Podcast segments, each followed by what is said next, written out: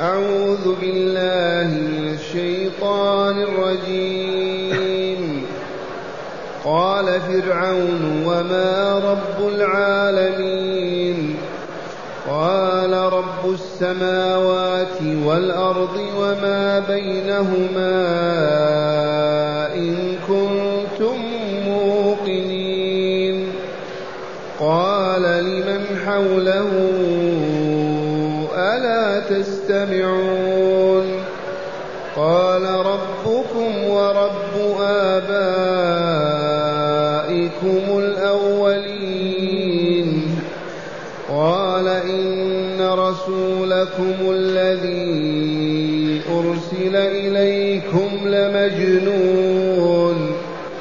قال رب المشارق قال رب المشرق والمغرب وما بينهما إن كنتم تعقلون. قال لئن اتخذت إلها غيري لأجعلنك من المسجونين. قال أولو جئتك بشيء مبين. قال فأت به إن كنت من الصادقين. فألقى عصاه فإذا هي ثعبان مبين.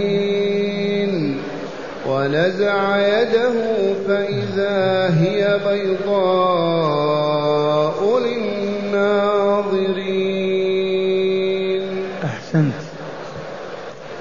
معاشر المستمعين والمستمعات من المؤمنين والمؤمنات.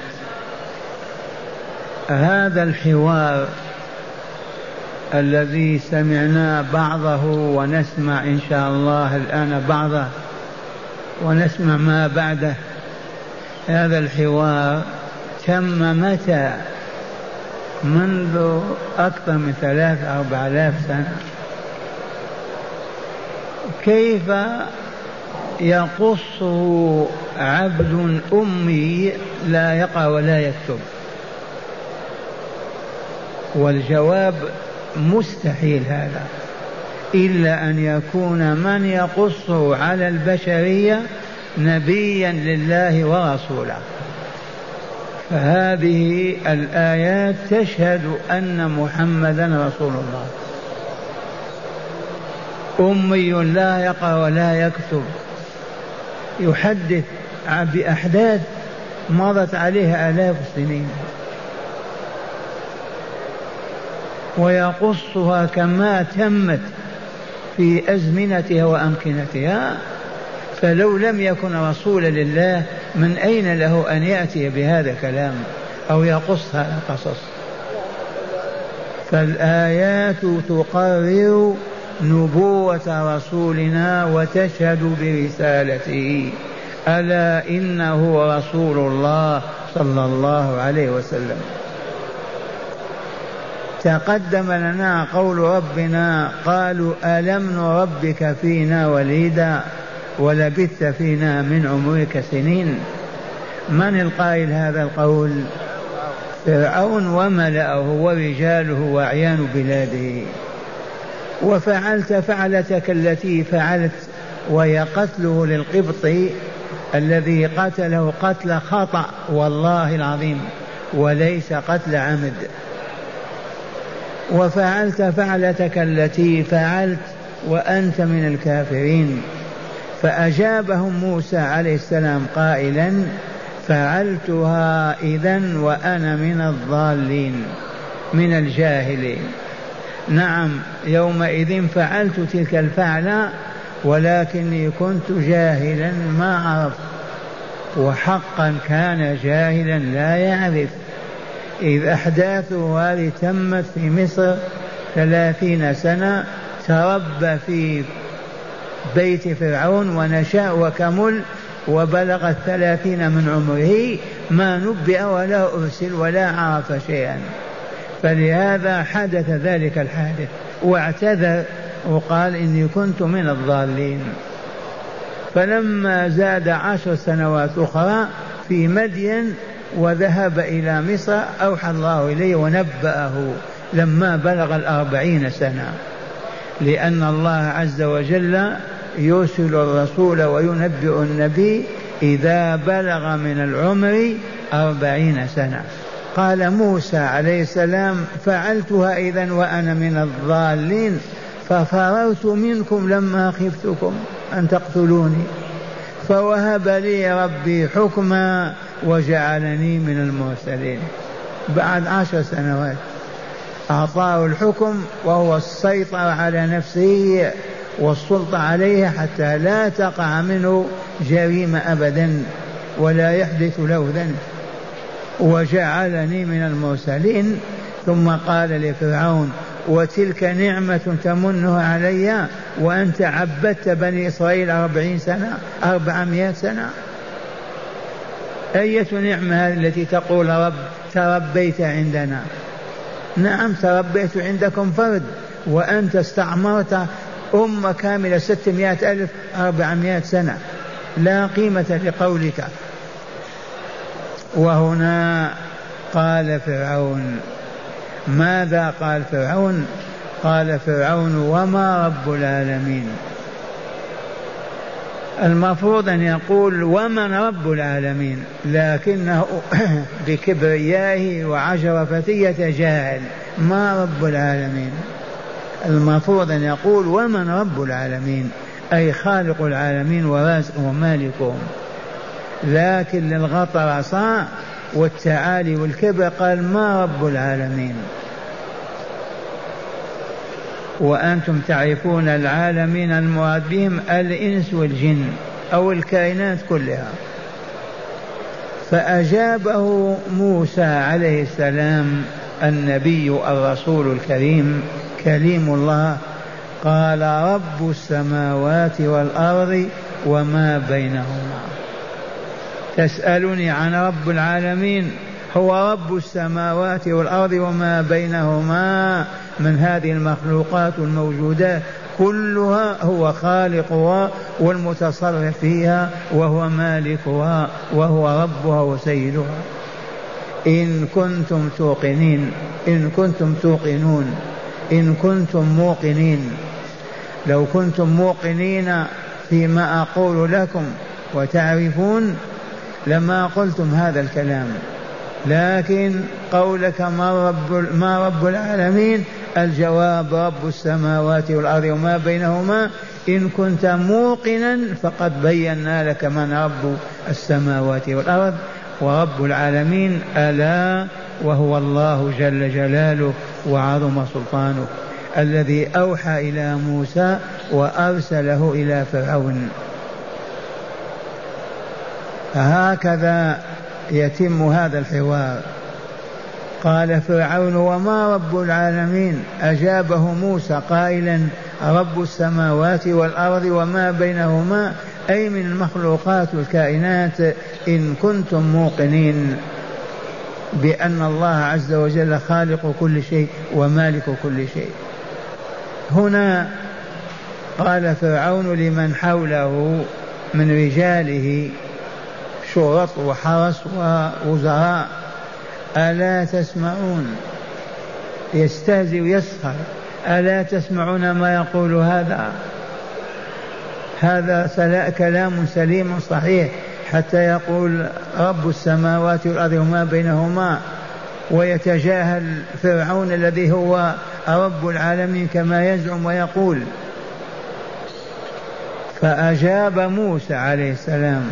قال ربكم ورب آبائكم الأولين. رب السماوات والأرض وما بينهما إن كنتم موقنين. فلما ما أيقنتم وشككتم أقول لكم إنه رب ماذا؟ ربكم ورب آبائكم الأولين. ففرعون لن يكون ربا بل هو مربوب عبد من عباد الله. فقطع حجة فرعون وأسكته. ربكم ورب آبائكم الأولين وهو كذلك. من خلق فرعون؟ من خلق ملكه؟ من خلق شعبه؟ من خلق السماوات؟ من خلق الأرض؟ من من من؟ ليس من جواب إلا أن نقول الله فقط. والله ليس إلا الله.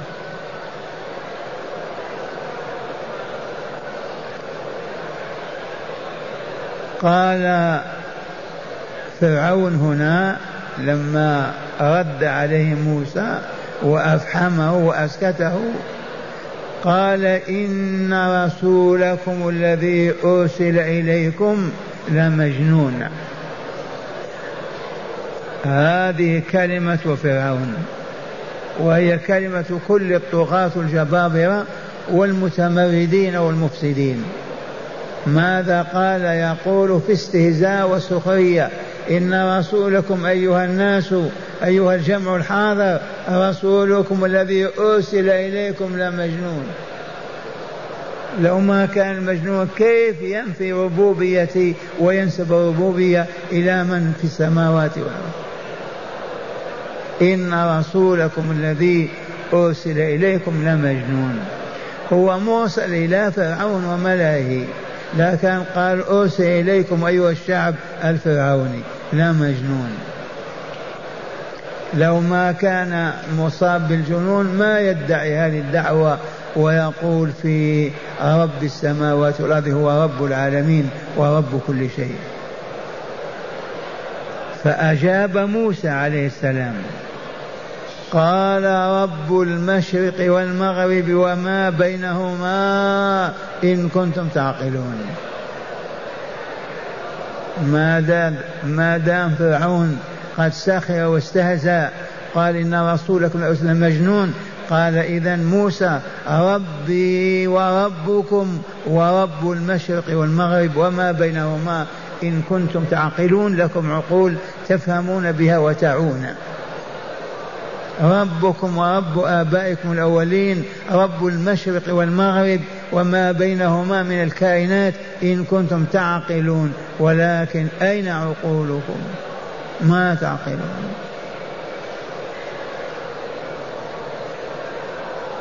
هنا قال فرعون لئن اتخذت إلها غيري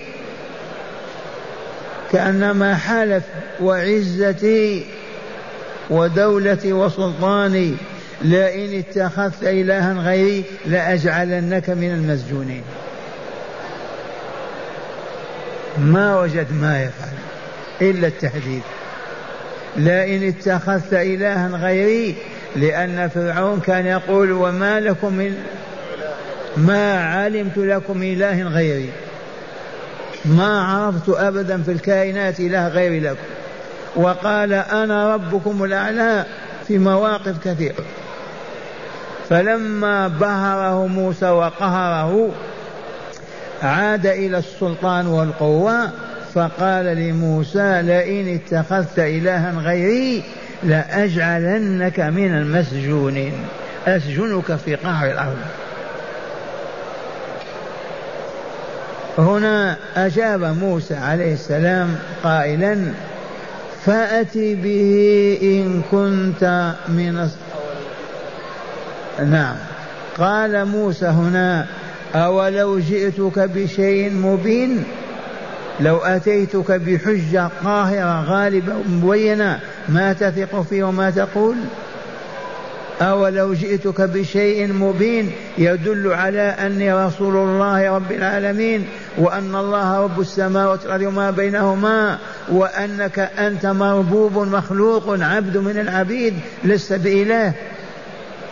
أخبرني إذا جئتك بشيء يدل دلالة قطعية على أنه لا إله إلا الله وأني رسول الله وأنت عبد فاسد كافر مشرك والعياذ بالله.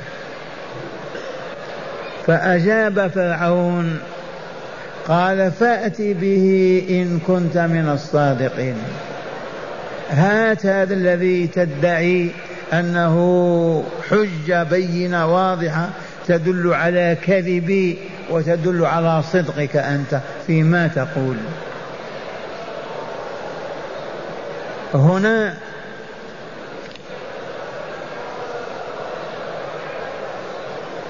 واعدهم موسى عليه السلام بأن يجتمعوا يوم عيد من أعيادهم. نعم. بعد ذلك نعم. هنا قال له موسى عليه السلام لما قال فأت به إن كنت من الصادقين ألقى موسى عصاه تلك العصا التي كان يرعى بها الغنم في بلاد مدين. رعى بها الغنم عشر سنوات. تلك العصا التي قيل إنها عصا آدم عليه السلام. وتوارثتها الأنبياء حتى وصلت إلى موسى عليه السلام أعطاه يا شعيب. فألقى عصاه التي بيده فإذا هي ثعبان مبين. والثعبان الحية العظيمة الكبيرة. ثم أدخل يده في جيبه ونزعها فكانت كفلقة القمر. موسى عليه السلام كان أسمر اللون ما هو أبيض أسمر. لا أسود ولا أبيض. فأخرج يده من جيبه كأنها فلقة قمر. هذه الآية التي تطالب بها. هذا يدل على أني رسول الله إليكم. فأت بآية إن كنت من الصادقين فألقى عصاه بينهم وهم يشاهدون وإذ هي ثعبان تهتز. ألقى أخرج يده من جيبه فإذا هي كفلقة قمر. هنا ماذا يفعل فرعون؟ قال للملأ حوله إن هذا لساحر عليم. عاد يركض إلى الباطل يسطع عورته. إن هذا أي موسى لساحر عليم بالسحر. يريد أن يخرجكم من أرضكم بسحره فماذا تأمرون؟ استعمل السياسة هيج الشعب. يريد موسى أن يستعمركم ويستغل خيراتكم وبركات دياركم. ماذا تفعلون؟ تحركوا. هيجهم وإلا لا بقوله يريد أن يخرجكم من أرضكم بسحره فماذا تأمرون؟ استشارهم. بما أجابوه قالوا أرجه وأخاه. أعطيه موعد هو مع أخيه للقاء العام يوم العيد. حيث الشعب كله حاضر ويشاهدون من ينتصر ومن ينكسر. قالوا أرجه وأخاه من أخوه ما ننسى هارون شقيقه إذ طلب من ربه أن يرسله معه فنبأه وأوحى إليه وأرسله وأصبح رسولا معه. قالوا أرجه وأخاه وابعث في المدائن حاشرين ابعث في المدن من يجمعون الناس من شرق البلاد وغربها ليشاهدوا المباراة. من ينتصر؟ نحن أم موسى؟ وكان لهم عيد من أعيادهم اجتمعوا فيه. قالوا أرجه وأخاه وابعث في المدائن حاشرين يحشرون الناس يجمعونهم. يأتوك بكل سحار عليم. وابعث في المدائن من يسألون عن السحرة ويأتون بهم إليك. قالوا لفرعون أرسل في المدن أناس يجمعون السحرة. الفنانين في هذا الفن. وهذا دليل على أن السحر كان عندهم فن من الفنون يتعلمونها. وما زال إلى الآن السحر والسحرة ويتعلمون ويتعلمون. ولكن لا يحل أبدا لمؤمن أن يتعلم سحرا أو يعلمه غيره. كما يأتي بيان ذلك. قال يقول تعالى عما قالوه قالوا أرجه وأخاه فترة من الزمن حتى نعد ما نعد وابعث في المدائن حاشرين يأتوك بكل سحار عليم ممتاز في السحر قال تعالى فجمع السحرة لميقات يوم معلوم. هذا الميقات اليوم الموعود المعلوم يوم عيد عندهم. تجتمع فيه الأمة ويتركون فيه العمل حتى يشاهدوا المباراة وما يتم فيها. وقيل للناس هل أنتم مجتمعون؟ يعني أصدر أمره بأن يجتمع الناس كلهم نساء ورجالا في كل البلاد ليشاهدوا من ينتصر موسى أو فرعون. والذي ينتصر يؤمنون به ويتبعونه. إذا فلما آه نعم وقيل للناس هل أنتم مجتمعون؟ بالفعل اجتمعوا. فلعلنا نتبع السحرة إن كانوا هم الغالبين. فرعون يقول لقومه وملائه لعلنا نتبع السحرة إن كانوا هم الغالبين. أما إذا كانوا مغلوبين ما نتبعهم. من أول مرة احتاط نتبعهم إن كانوا الغالبين. كانوا مغلوبين ما نتبعهم. فلما جاء السحرة وصلوا من المدن شرقا وغربا وأرادوا أن يأخذوا عهدا وميثاقا على أن يعطيهم مقابل تعبهم وعملهم. فلما جاء السحرة قالوا لفرعون أئن لنا لأجرا إن كنا نحن الغالبين. تجعل لنا راتبا جعال معلومة كذا قنطار من الذهب أو الفضة. إن كنا نحن الغالبين. قال فرعون نعم وإنكم لمن المقربين أيضا. نجعلكم من مقربي الحكومة والدولة لا المال فقط. وما زال السياق في هذا القصص العجيب. نسمعكم الآيات من الكتاب. لنزداد بصيرة وعلما ومعرفة. ما زال السياق الكريم في الحوار الدائر بين موسى عليه السلام وفرعون عليه لعائن الرحمن. لما قال موسى إني رسول رب العالمين في أول الحوار قال فرعون مستنف مستنف مستفسرا في عناد ومكيدة ومكابرة. ماذا قال؟ وما رب العالمين.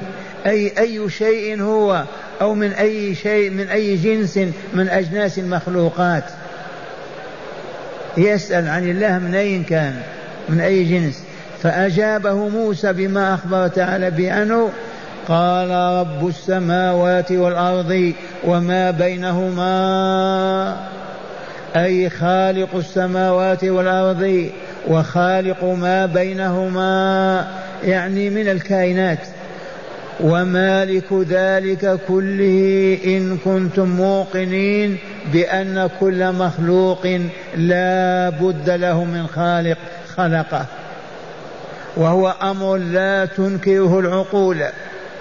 وهنا قال فرعون في استخفاف وكبرياء لمن حوله من رجال دولته وأشراف قومه.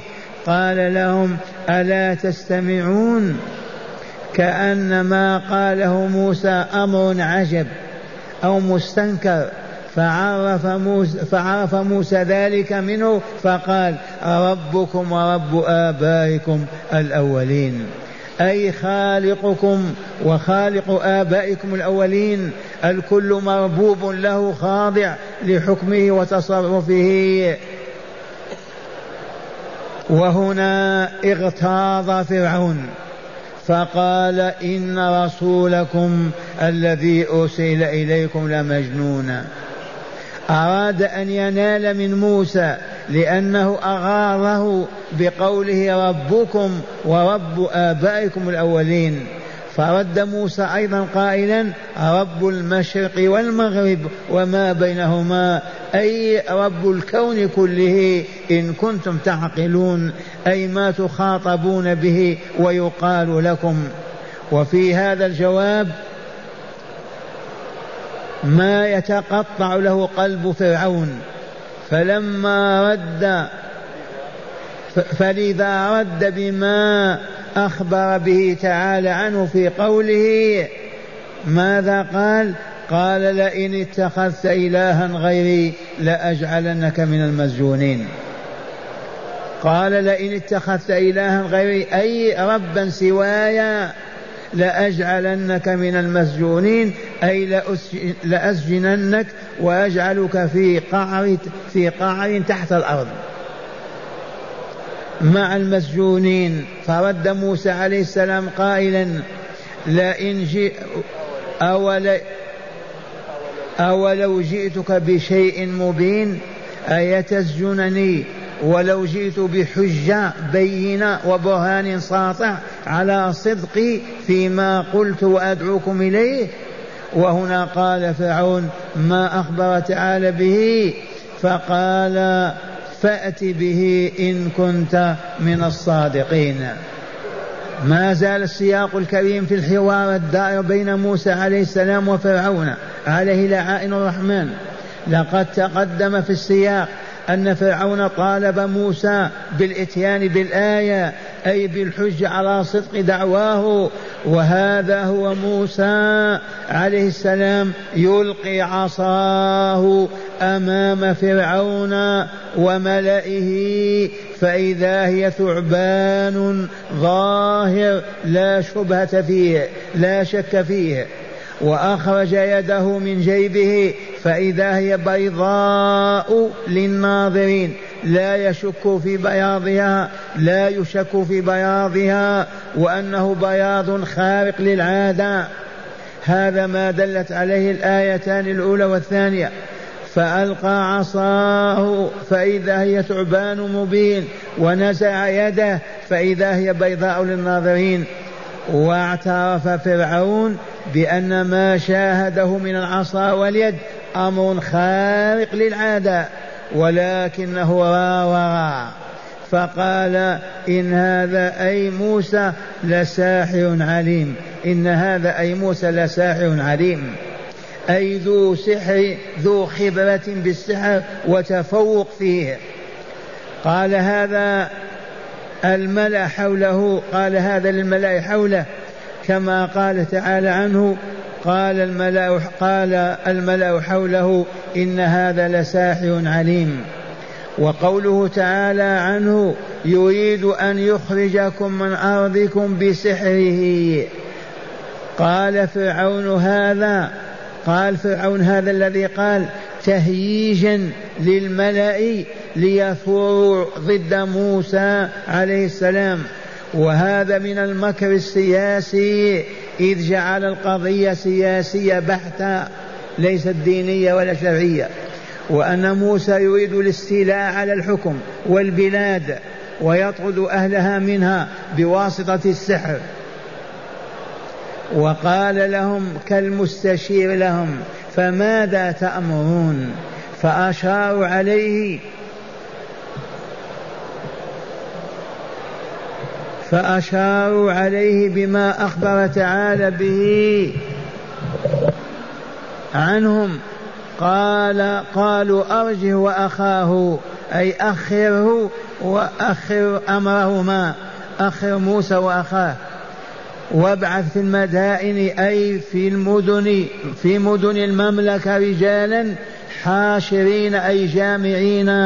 يأتوك أيها الملك بكل سحار عليم أي ذو خبرة بالسحر متفوقة.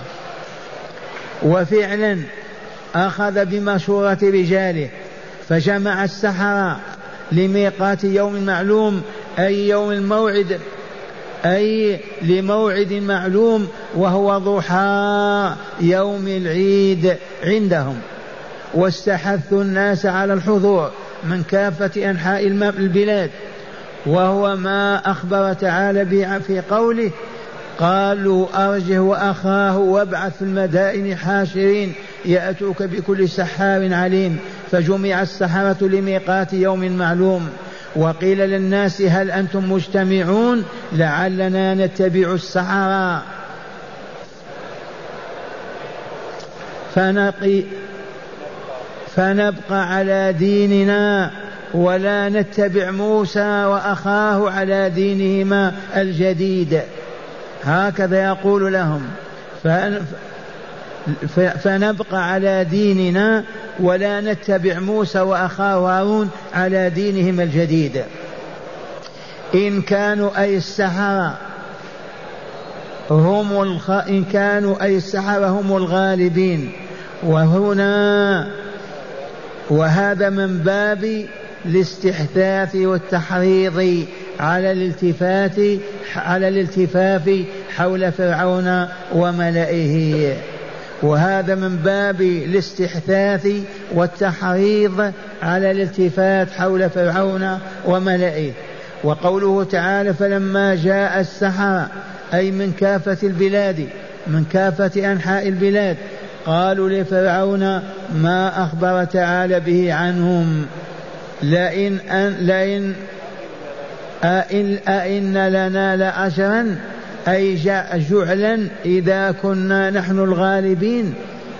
أئن لنا لأجرا أي جعلا إن, إن كنا نحن الغالبين. فأجابهم فرعون قائلا نعم وإنكم إذا لمن المقربين. أي زيادة على الأجر مكافأة أخرى. وهي أن تكونوا من المقربين لدينا. وفي هذا إغراء كبير لهم على أن يبذلوا أقصى جهدهم في الانتصار على موسى عليه السلام. مع هداية هذه الآيات. بسم الله والحمد لله. من هداية هذه الآيات أولا تقرير الربوبية المقتضية للألوهية من طريق هذا الحوار ليسمع ذلك المشركون وليعلموا أنهم مسبوقون بالشرك والكفر وأنهم ضالون. تقرير هذا الحوار يقرر ماذا؟ تقرير أن الله رب كل شيء وأنه إله الأولين والآخرين. أثبت ربوبية الله عز وجل ونفاها عن فرعون فلم يبق إلا أن يكون الله هو الرب وهو الإله المعبود بحق. لأن الصورة مكية وهذا يفهم أهل مكة ويعرفون أنه لا إله إلا الله. نعم. ثانيا سنة أهل الباطل أنهم يفجرون في الخصومة وفي الحديث وإذا خاصم فجر. قال سنة أهل الباطل. سنة أهل الباطل. فإنهم لا بد وأن لما يواجهوا الحق لا بد يحتالوا يمكروا ويأتون بأشياء ليبطلوا الحق وما يبطل الحق. ونص الحديث الشريف كما هو في الصحيح أربع من كن فيه كان منافقا خالصا ومن كان فيه خصلة منهن كانت فيه خصلة من النفاق حتى يدعها. إذا اؤتمن خان وإذا حدث كذب وإذا عاهد غدر وإذا خاصم فجر. وإذا خاصم فجر. فالمنافقون والكافرون إذا خاصموا لا بد وأن يفجروا ويخرجوا عن الحق والعدل ويقولوا الباطل. كما فجر فرعون. والرسول يقول أربع صفات من كن فيه كان منافقا كاملا. الأولى إذا حدث كذب. وإذا واعد أخلف وإذا عاهد غدر وإذا خاصم فجر. والشاهد في الخصومة فرعون خاصم ففجر وكذب وقال ما سمعتم. ثالثا أهل الكبر والعلو في الأرض إذا أعيتهم الحجج لجأوا إلى التهديد والوعيد آه. واستخدام هذه سنة قائمة إلى يوم الدين. أهل الباطل والظلم والشر عندما يحاورون ويجادلون فإذا انهزموا يعودون إلى العصا والحديد والنار. أول كانوا يريدون أن ينتصروا بالكلام بالحجج بالمنطق فلما ينهزمون يفزعون إلى العصا والحديد والنار. رابعا إثبات المعجزات للأنبياء. كمعجزة العصا واليد لموسى عليه السلام. إثبات المعجزات للأنبياء إذ ما أرسل الله رسولا إلا وأعطاه معجزات. والمعجزة هي الأمر الخارق للعادة التي تعجز البشرية عنه بالمرة كاملة فهل تستطيع البشرية أن تحول العصا إلى ثعبان؟ تستطيع أن تخرج اليد الثمرة بيضاء كالقمر؟ ما تستطيع. ومن معجزات نبينا صلى الله عليه وسلم صاع ماء توضأ منه تسعون مؤمنا. وهذا في المدينة. أما في الحديبية بركة ماء توضأ من ألف ومئتين مؤمن. نعم. خامسا مشروعية استشارة الأمير رجاله في الأمور ذات البال. مشروعية استشارة الحاكم الأمير رجاله في أي مشكلة تحدث. منين أخذنا هذا؟ فرعون ما استشارهم ماذا ترون أن فاعل؟ إنما لسنة سياسية شرعية أيضا. على المسؤول أن يستشير رجاله في القضية الشائكة كهذه نعم. سادسا ثبوت السحر وأنه فن من فنون المعرفة وإن كان تعلمه وتعليمه محرمين. تقرير أن السحر فن من الفنون وعلم من العلوم ولكن الإسلام حرمه تحريما أبديا فلا يحل للمؤمن أن يأتي ساحرا ولا يحل له أن يسحر لا أن يأتي الساحر ولا أن يسحر. فضلا على أن يتعلم السحر ليكون ساحرا. الساحر كافر وحده القتل. الساحر حده القتل. لا تطلب منه توبة. سابعا وأخيرا إعطاء المكافأة للفائزين في المباراة وغيرها ومن ذلك السباق في الإسلام. السباق في الإسلام ما فيه جوائز؟ الذي سبق بفرس يأخذ جائزة. كذلك فرعون عمل بهذا وأعطى الجعالة لرجاله.